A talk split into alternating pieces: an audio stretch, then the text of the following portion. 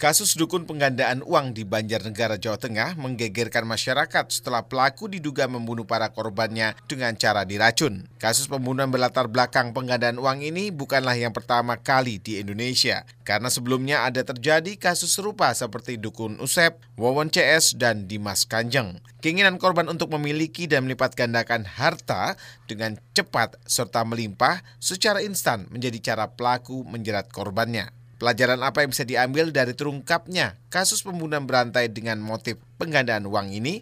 Kriminolog Ardi Putra Prasetya membenarkan pembunuhan dengan motif penggandaan uang bukanlah kasus yang baru. Bahkan dalam beberapa kasus ada irisan dan kesamaan dalam motif serta strategi pelaku menghilangkan nyawa korbannya. Pelaku pun dalam kejahatan ini kerap menggunakan skema Ponzi untuk meyakinkan calon korbannya. Belum lagi struktur sosial di masyarakat masih menempatkan hal-hal supranatural di posisi teratas. Kasus ini seperti fenomena gunung es, maka masyarakat harus benar-benar menyadari kejahatan ini dengan meningkatkan fungsi kontrol sosial dan selalu mengedepankan akal sehat. Saya kira ini adalah kasus yang common ya, jadi ada beberapa tren sebelumnya yang motif dan pola dari kasusnya hampir sama. Terakhir Wawon yang di Bekasi itu juga melakukan hal yang sama seperti itu. Jadi memang ada irisan dan kesamaan dalam motif dan dari strategi pelaku dalam menjanjikan korban ataupun menghilangkan nyawa korbannya. Dari tahun-tahun sebelumnya memang kasus-kasus seperti ini sudah terjadi. Dulu di tahun 2007 misalnya kasus dukun Usep juga melakukan hal yang sama dengan modus penggandaan uang dan sebagainya melalui supranatural. Akhirnya korban berdatangan dan dibunuh dengan cara diracun. Hampir sama case-nya. Yang bisa kita sorot dari kasus seperti ini, para dukun ini, para pelaku atau uh, oknum dukun ini biasanya menggunakan mekanisme dengan skema ponzi seperti ponzi pak.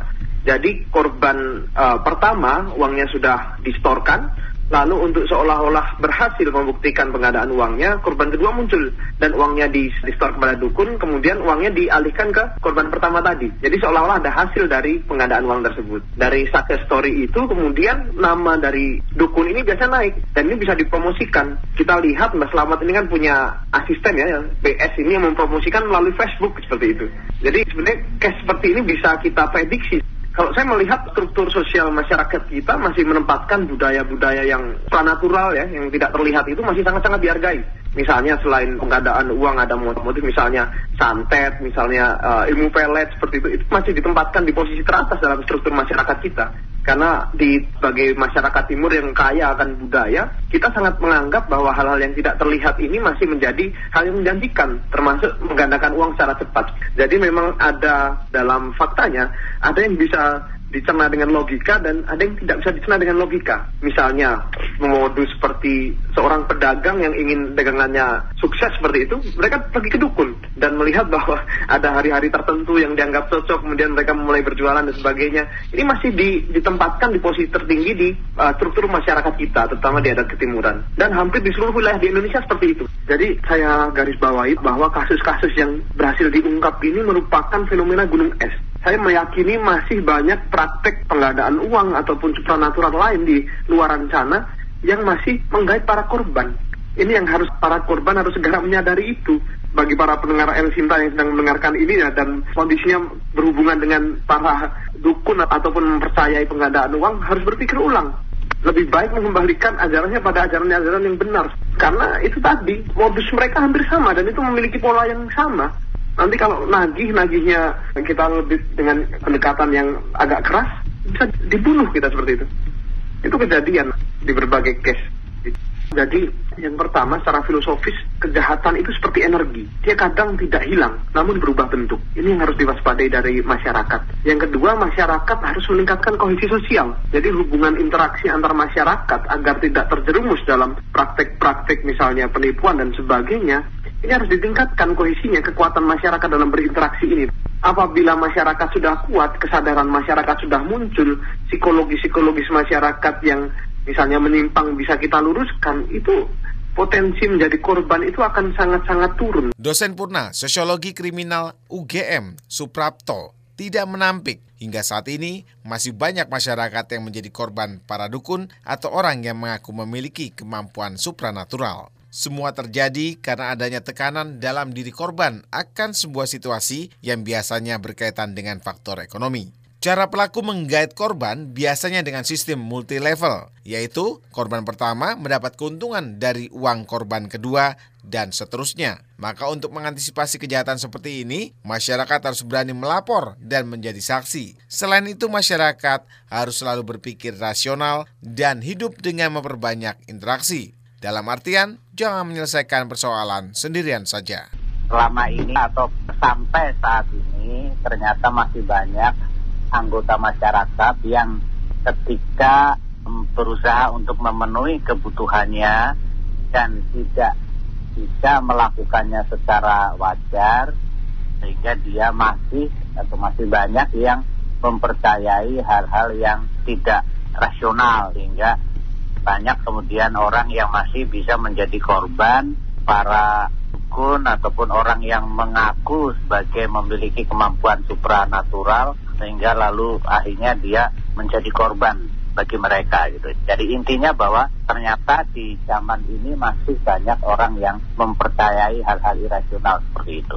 Biasanya para pelaku itu ya semacam multi level gitu ya. Jadi ketika dia mendapatkan klien yang pertama gitu misalnya dia me meminta ataupun menerima uang sejumlah X dia kemudian mencari korban yang kedua dan dari korban yang kedua itu uangnya di, ditambahkan kepada si korban pertama sehingga seolah-olah uang itu tergandakan gitu. Padahal itu sebetulnya uang dari korban yang kedua. Demikian seterusnya untuk yang kedua dia menggunakan korban yang berikutnya dan ketika yang berikutnya itu macet maka akhirnya lalu dia tidak bisa mengembalikan atau membuktikan bahwa dia bisa menggandakan sehingga sangat mungkin kemudian lalu dia ditagih, dia diancam sampai akhirnya e, timbul tindakan-tindakan yang melanggar hukum. Untuk meminimalkan tindakan-tindakan penipuan yang berulang itu masyarakat harus disadarkan gitu untuk berdaya antara lain memiliki kemampuan untuk keberanian melapor gitu kemudian kemampuan mengumpulkan barang bukti dan juga keberanian untuk menjadi saksi yang kadangkala banyak masyarakat yang tidak berpikir ke arah itu. Pelajaran yang perlu gitu ya dipahami oleh anggota masyarakat bahwa apa pun kebutuhan yang harus dipenuhi itu sebaiknya dilakukan dengan cara yang rasional, dengan cara yang legal. Lalu yang kedua, andai kata mengalami kesulitan, maka jangan hanya diatasi sendiri. Secara sistemik itu perlu misalnya berkonsultasi, curhat, bertukar pikiran gitu dengan anggota masyarakat lain. Seperti yang juga digambarkan oleh Jim C. Scott ya dalam bukunya berjudul The Moral Economy of the Person bahwa di dalam kehidupan masyarakat itu ada lima prinsip dasar. Yang pertama itu minimizing risk, meminimalkan resiko. Kemudian yang kedua uh, distribution of risk, berbagi duka gitu ya. Jadi ketika ada orang sakit lalu nengok, orang meninggal, nyumbang dan sebagainya.